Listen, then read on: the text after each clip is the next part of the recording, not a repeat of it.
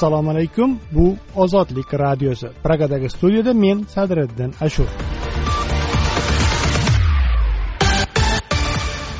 Ozodlikning bugungi dasturida o'zbekiston yevropa bankidan rekord darajada qarz oldi. Mablag'lar qanday sarflanmoqda? Diplomat nashri. O'zbekistonda bir biridan juda farqli ikki bloger so'zi uchun jazolandi.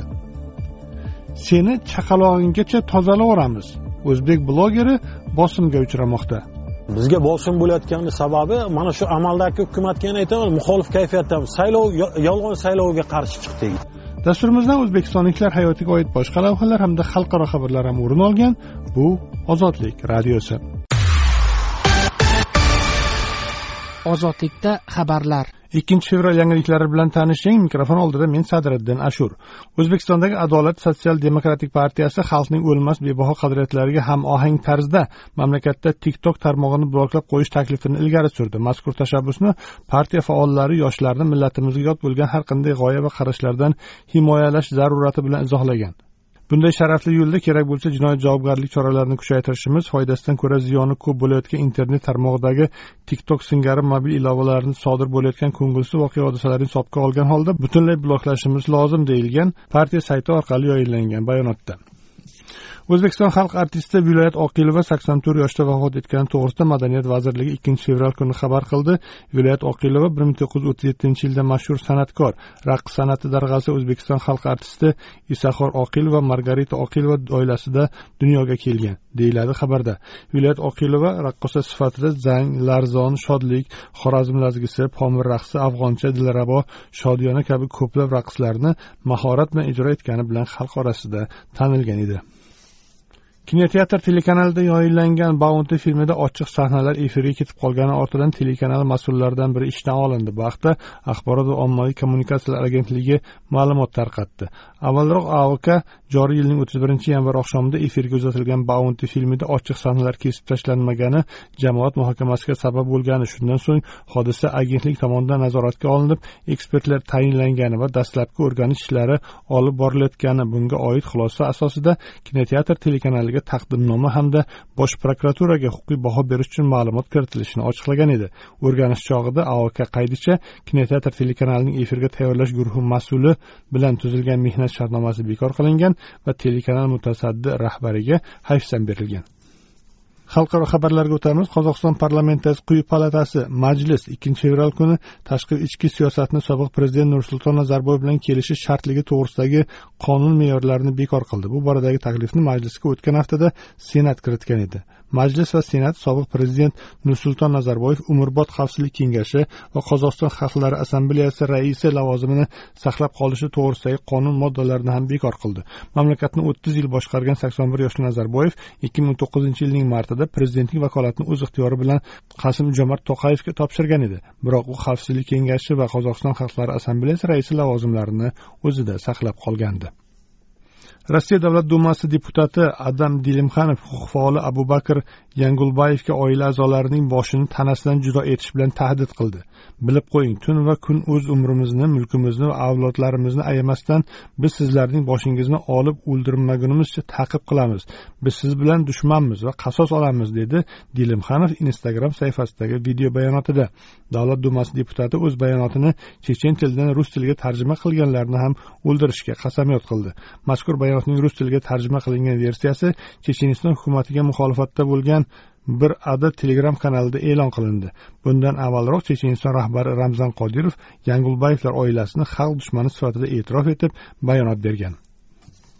Belarus bosh prokuraturasi varshava okrug sudi sudyasi dariush lyubovskiyga qarshi jinoyat ishi ochdi. Avvalroq polshalik sudya nexta telegram kanali asoschisi stepan putiloni minsk ekstraditsiya qilishdan bosh tortishga oid qaror chiqargan edi. Belarus rasmiylari iddaosicha lyubovskiy milliy nizo va ijtimoiy adovat qo'zg'atishga qaratilgan noto'g'ri ma'lumotni qasddan tarqatgan hamda belarus respublikasining yuqori rutbali mansabdorlarini tahqirlab ularga tuhmat qilgan. Joriy yilning yigirma oltinchi yanvar kuni varshava okrug sudi nexta asoschisi stepan putiloni belarusga ekstraditsiya qilish to'g'risida minsk rasmiylari tabnomasini ko'rib chiqqan va putiloni minskka topshirmaslik to'g'risida qaror chiqargan edi. Xabarlar bilan tanishdingiz boshqa yangiliklar ozodlik org saytida. Dasturlarimizni ozodlik nuqta org sayti ozodlikning youtubedagi sahifasi android va apple telefonlari uchun ishlangan ilovalarimizda onlayn tinglashingiz mumkin. O'zbekiston va dunyo yangiliklarini ozodlikda kuzating. Ozodlik radiosi. O'zbekiston iqtisodiyot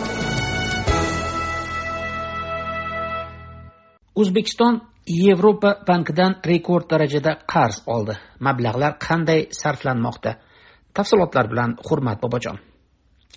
Qarorgohi pragada joylashgan bank watch tashkiloti o'zbekistonga yuzlab million dollar kreditlar ajratayotgan yevropa tiklanish va taraqqiyot banki loyihalarda shaffoflik va muloqot yetishmasligidan xavotir bildirmoqda. Nodavlat tashkilotining aytishicha ochiqlikning yo'qligi mablag'larning maqsadli sarflanishini savol ostiga qo'yadi.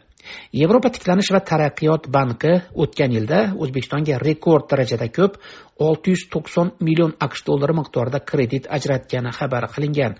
Ayni paytda bankning yevropa va markaziy osiyo bo'yicha bosh so'zchisi anton usov ozodlik bilan suhbatda bank watch xavotirlarni rad etdi.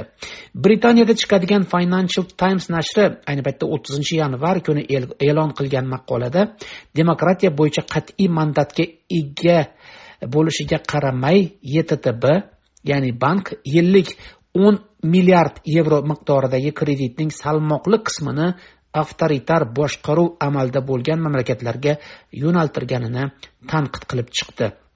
Yevropa taraqqiyot va tiklanish banki o'zbekistonga katta miqdorda sarmoya kiritayotganini ta'kidlagan bank watchning jamiyatni qo'llab quvvatlash bo'yicha koordinatori nina lesixina ozodlik bilan suhbatda bu mablag'larning bank maqsad qilgan aholi ravnaqi va ekologik farovonlik yaratishga hissasini ko'rmayotganini aytadi. Lesixina fikricha bank o'zbekistonda moliyalagan shirkatlarda jumladan indorama agro shirkatida xodimlar quldek ishlatilgani fermerlar yeri tortib olingani bilan bog'liq huquqbuzarliklar bankning vaziyatni baholash tizimi zaifligini ko'rsatadi.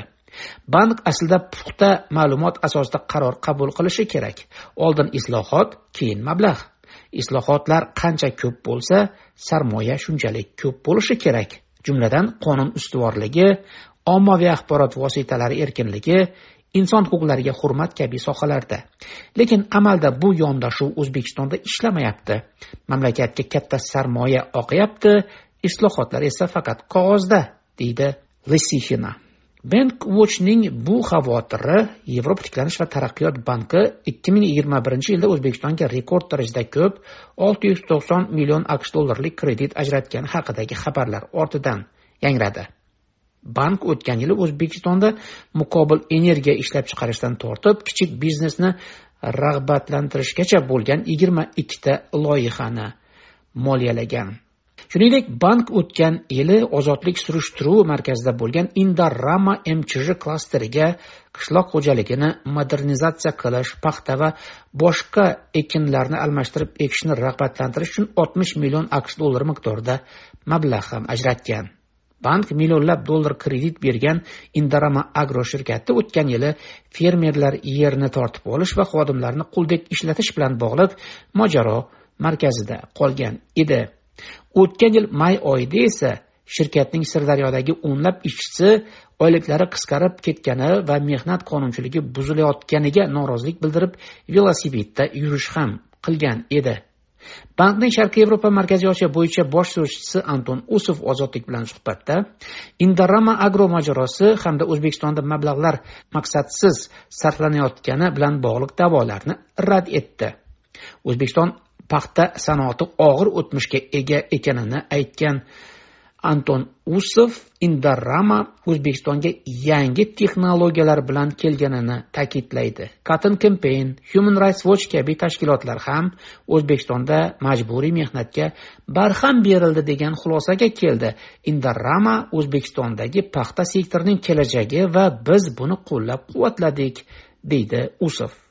Uning ozodlikka aytishicha bank mahalliy fuqarolarning mehnat va boshqa huquqlari buzilayotgani haqidagi iddaolar yuzasidan faollar bilan doimiy muloqotni yo'lga qo'ygan. Bankwatchdagi hamkasblarimizning xulosasini hurmat qilamiz. Ularni masalaga o'z qarashi bor ularni huquqi bu deydi anton usov ozodlik radiosi. Inson huquqlari diplomat o'zbekistonda bir biridan juda farqli ikki bloger so'zi uchun jazolandi. Tafsilotlar bilan gulasal. Fozilxo'ja orifxo'jayev yigirma oltinchi yanvar kuni o'zbekiston jinoyat kodeksining ikki yuz qirq to'rtinchi birinchi moddasi. Jamoat xavfsizligi va jamoat tartibiga tahdid soladigan materiallarni tayyorlash saqlash tarqatish yoki namoyish etish. Uchinchi qismi er bandida nazarda tutilgan jinoyatni sodir etganlikda aybdor deb topildi va yetti yilu olti oy muddatga ozodlikdan mahrum etildi. Bu jazoga orifxo'jayev ikki ming yigirma birinchi yilning oltinchi martida facebookda yozgan posti asos bo'ldi. Bloger o'z postida boshqa din vakillarini diniy bayramlari bilan tabriklash to'g'ri yoki yo'qligi haqida o'z fikrini bildirgan. Ammo orifxo'jayev bu postni yozganidan keyin bir necha oy o'tgach qo'lga olindi. Xabar qilinishicha bloger ikki ming yigirma birinchi yilning yigirma oltinchi iyunida boshqa bir bloger va ulamo abror abduazimov va'z o'qiyotgan toshkentdagi to'xtaboy masjidiga boradi. U yerda orifxo'jayev hukumatparast bloger abduazimovni ikki yuzlamachi deb ataydi.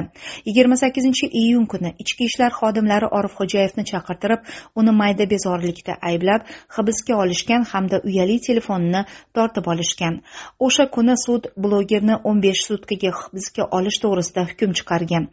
Toshkent sudi orifxo'jayevni hibsga olish muddatini avval uch oyga keyinroq ikki ming yigirma birinchi yil o'n uchinchi dekabrgacha uzaytirgan.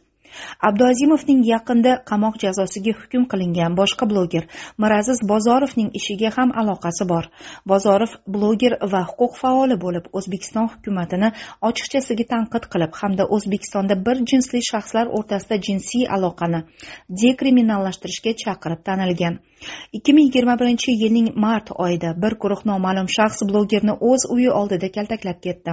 Hodisa toshkent markazidagi amir temur xiyobonida yapon animesi va koreys pop musiqasi tadbirini lgbt anjumani deb o'ylagan olomonning allohu akbar degan hayqiriqlardan ko'p o'tmay yuz bergan.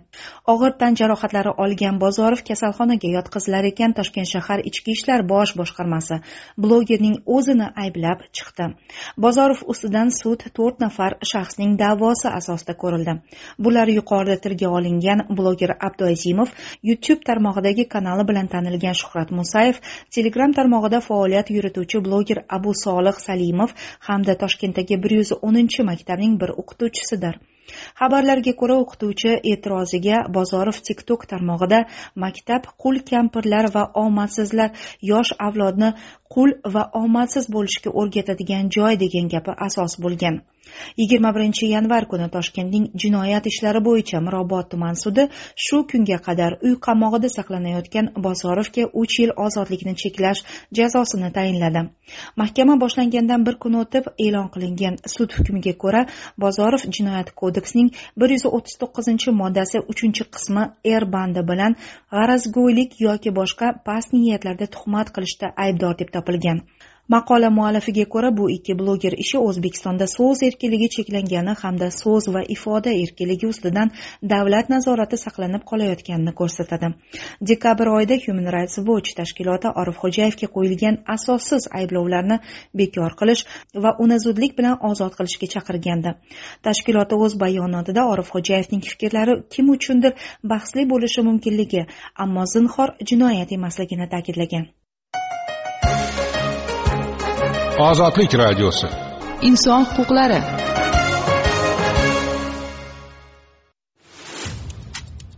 Oltinchi fevral kuni shavkat mirziyoyev ikkinchi muddat prezidentlikka kirishganiga uch oy to'ladi. Inauguratsiya marosimida so'zlagan nutqida prezident jurnalist va blogerlarni himoyasiga olishi haqida so'zlagandi. O'sha nutqida davlat rahbari hukumat vakillari tomonidan ommaviy axborot vositalari faoliyatiga to'sqinlik qilish tazyiq o'tkazish va kameralarni olib qo'yish uchun javobgarlik kuchaytirilishini e'lon qilgandi. Davlat organlari va tashkilotlarining mansabdor shaxslari tomonidan ommaviy axborot vositalari faoliyatiga to'sqinlik qilish senzura o'rnatish tahririyat xodimlariga bosim va taziq o'tkazish materiallar va texnik vositalarni ulardan g'ayriqonuniy ravishda olib qo'yish harakatlari sodir etilgani uchun javobgarlikni kuchaytirish ko'zda tutilmoqda.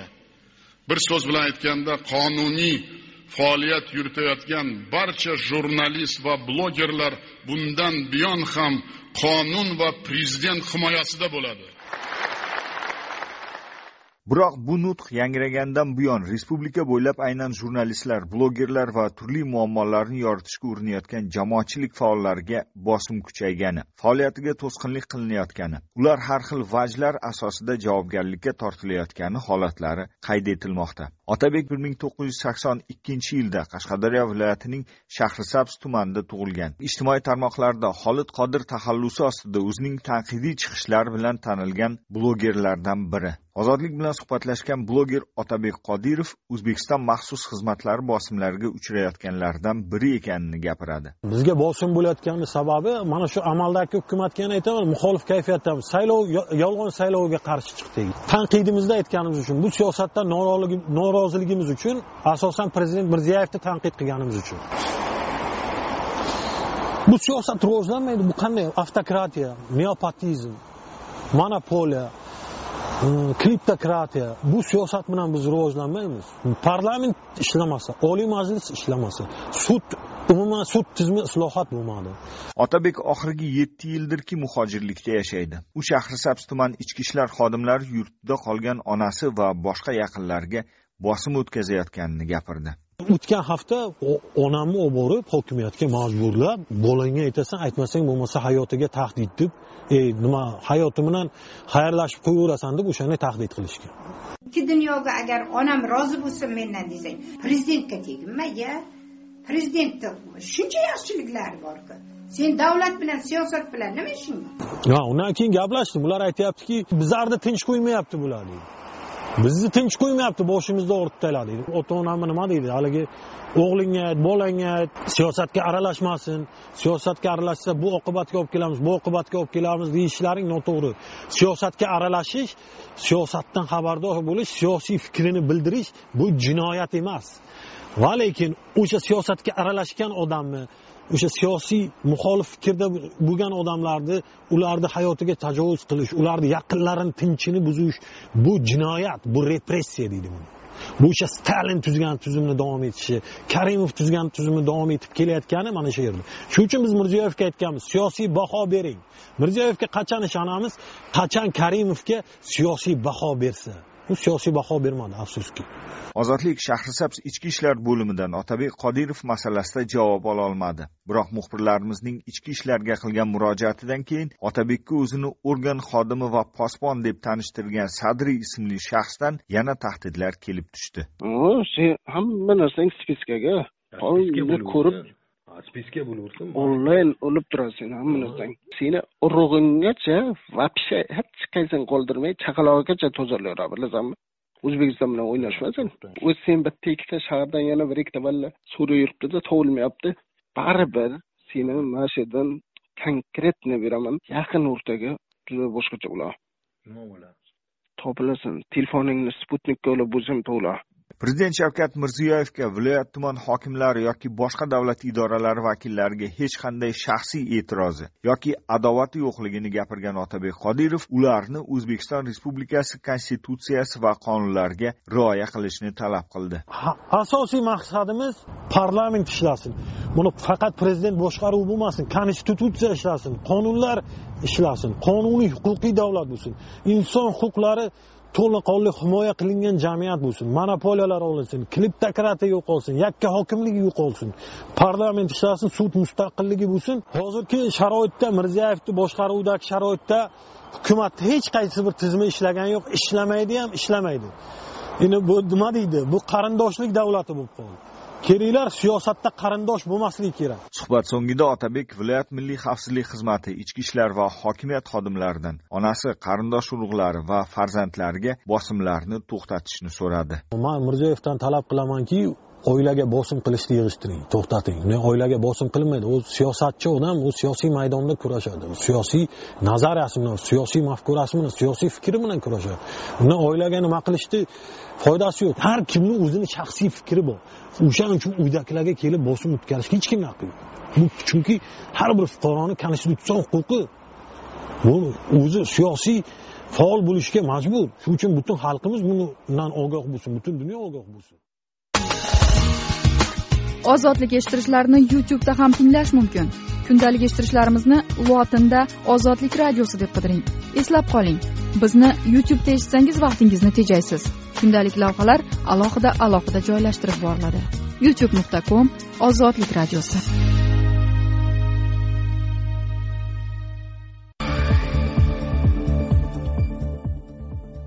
Dastur davomida gulagu net nashri. O'zbekistonlik sobiq mxxchi rossiya qamog'idagi qiynoqlarni tasvirga olgan. Ramzan qodirov keskin bayonotlari va tahdidlari manzarasida putin bilan uchrashdi. Ishsizlik ilojsizlik yo raqobat rossiyadagi muhojirlar nega mushtlashadi? Hammamiz o'zbekistonlikmiz musulmonmiz. Hammamiz ham bola chaqa boqqani kelganmiz. Mana mehnatini ko'ryapsiz qanday qiyinchilik bilan. Sovuqni sovuq demay ishlayotibmiz dasturimizdan xalqaro hayot va mintaqa xabarlari ham o'rin olgan bu ozodlik radiosi.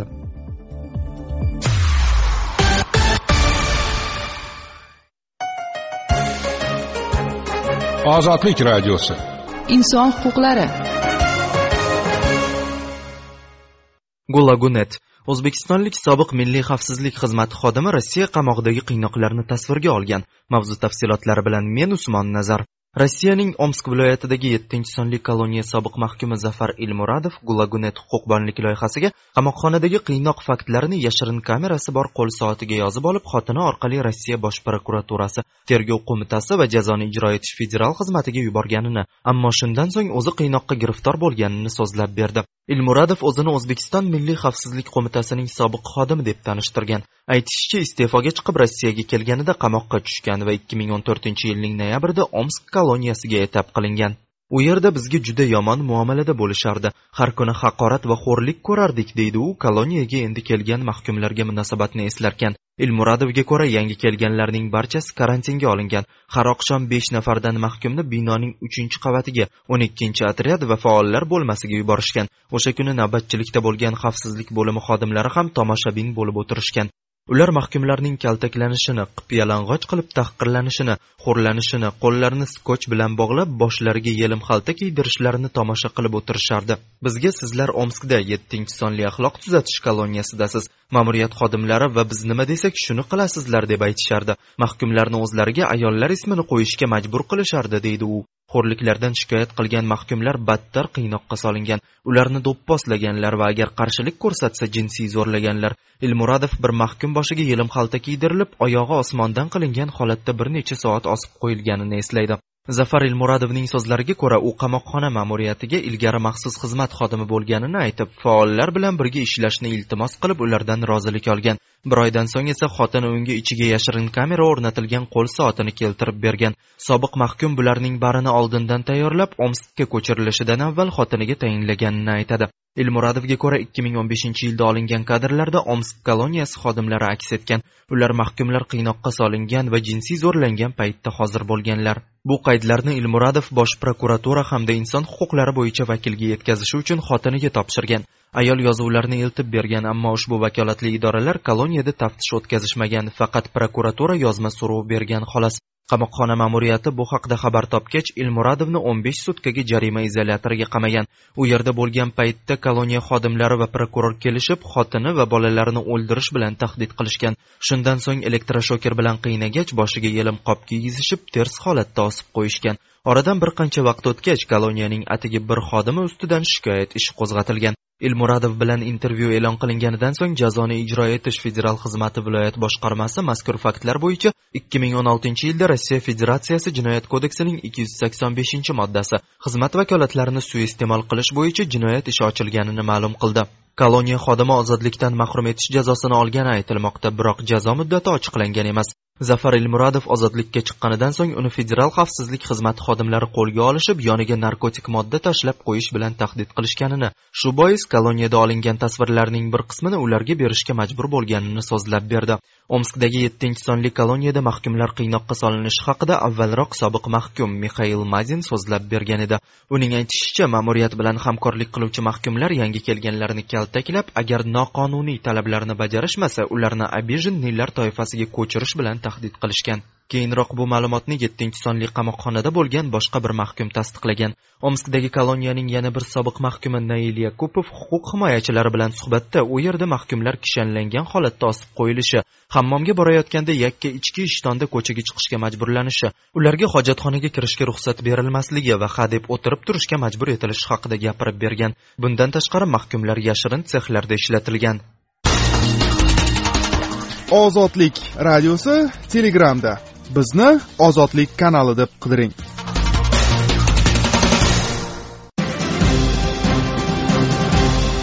Ozodlik radiosi xalqaro hayot. Ramzan qodirov keskin bayonotlari va tahdidlari manzarasida putin bilan uchrashdi. Tafsilotlar bilan men sadiriddin ashur rossiya prezidenti vladimir putin va checheniston rahbari ramzan qodirov moskvada uchrashuv o'tkazishdi. Bu haqda checheniston rahbarining matbuot xizmati ma'lumot tarqatdi. Uchrashuv kimning tashabbusi bilan o'tkazilganiga aniqlik kiritilgan emas. Xabarnomaga muvofiq checheniston rahbari qodirov prezident putinga respublikadagi ijtimoiy iqtisodiy vaziyat yaxshilangani milliy loyihalar ijrosi koronavirus pandemiyasi sharoitida ko'rilayotgan sanitariya choralari va boshqa masalalar yuzasidan axborot bergan. Biroq xabarnomada qodirov va uning qo'l ostidagi shaxslar tomonidan berilgan keskin bayonotlar putin bilan uchrashuvda muhokama qilingan qilinmagani xususida lom mim deyilmagan. Avvalroq rossiya davlat dumasining bir necha deputati ommaviy axborot vositalari va jamoatchilik tashkilotlari bosh prokuratura va tergov qo'mitasidan checheniston rahbariyati vakillari bayonotlarining rossiya qonunchiligiga muvofiqligini tekshirishni talab qilishgan edi. Xususan ramzan qodirov uning yaqin savdoshi davlat dumasi deputati adam dilimxanov va yana bir necha rasmiy shaxs chechen huquq faoli abu bakr yangulboyev oilasini jismonan mahv etish bilan ochiq tahdid qilishgan. Yangulboyevning onasi ikki hafta burun nijniy novgorod shahridan kuch bilan chechenistonga olib ketilib qamoqqa tashlangan. Checheniston rasmiylariga ko'ra qodirovni tanqid qiluvchi bir adad anonim telegram kanali ortida aynan abu bakr yangulboyev turibdi. Adam dilimxanov respublikadan tashqarida yashayotgan barcha yangulboyevlarni topib ularning boshlarini olishga va'da bergan. Ikkinchi fevral kuni grozniyda rasmiylar yangulboyevlar oilasiga qarshi ko'p ming kishilik miting tashkil qilishgan. Mitingchilar yangulboyevlar oila a'zolarining suratlari tushirilgan plakat suratlarni namoyishkorona toptab yoqib yuborganlar. So'nggi paytlarda ramzan qodirov deyarli har kuni keskin bayonotlari bilan jamoatchilik o'rtasida katta shov shuv chiqishiga sabab bo'lmoqda. U abu bakr yangulboyev oilasini topib yo'q qilish bilan tahdid etishdan tashqari rossiya prezidenti huzuridagi inson huquqlari kengashi a'zosi igor kalyapin hamda novaya gazeta jurnalisti yelena milashinani terrorchilarning gumashtalari deb atagan. Shuningdek qodirov putinning o'rnida bo'lganida allaqachon ukrainani bosib olgan qo'shin jo'natib u yerda tartib o'rnatgan bo'lishini aytgan edi. Ozodlik radiosi xalqaro hayot.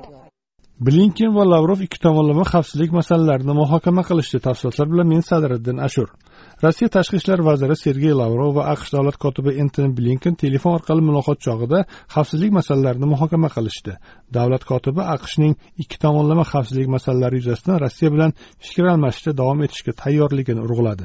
Entoni blinken shuningdek rossiyani vaziyatni zudlik bilan yumshatishga qo'shinlar va harbiy texnikani ukraina chegarasiga yaqin hududlardan olib ketishga chaqirgan. U ukrainaga tajovuz og'ir oqibatlarga eltishini ta'kidlab rossiyani diplomatiya yo'lini tutishga chorlagan. Muloqotdan so'ng sergey lavrov rossiyaning yevropadagi xavfsizlik kafolatlari bo'yicha qo'shma shtatlardan kelgan takliflarni idoralararo muvofiqlashtirish ishlari yakunlanayotganini bildirgan. Aqsh va nato ittifoqchilarini tanlash erkinligi prinsipiga ustuvorlik bergan holda mazkur erkinlik boshqa davlatlar xavfsizligini cheklab qo'ymasligi lozimligiga doir shartni mutlaqo inobatga olishmayapti degan lavrov. Telefon orqali muloqotdan so'ng rossiya tashqi ishlar vazirligi saytida sergey lavrovning yigirma sakkizinchi yanvar kuni aqsh kanada va qator yevropa mamlakatlarining tashqi siyosat mahkamalari rahbarlariga murojaatnomasi e'lon qilingan. Xavfsizlikning bo'linmasligiga doir kelishuvlar ma'nosi shuki xavfsizlik yo barcha uchun bitta bo'ladi yoki u hech kimda bo'lmaydi. Istanbul xartiyasida nazarda tutilganidek nafaqat nato mamlakatlari balki yevropada xavfsizlik va hamkorlik tashkilotiga a'zo har bir mamlakat ham xavfsizlik masalasida teng huquqlarga ega. Mazkur huquqni faqat shimoliy atlantika eksklyuziv klubi a'zolariga tegishli deb bilish yaramaydi deyilgan murojaatnomada. Odnoklassniki instagram facebook twitter. Ozodlik mushtariylari eng ko'p yig'ilgan tarmoqlardir. Marhamat lotinda ozodlik radiosi deb qidiring va do'stlarimiz suhbatiga qo'shiling.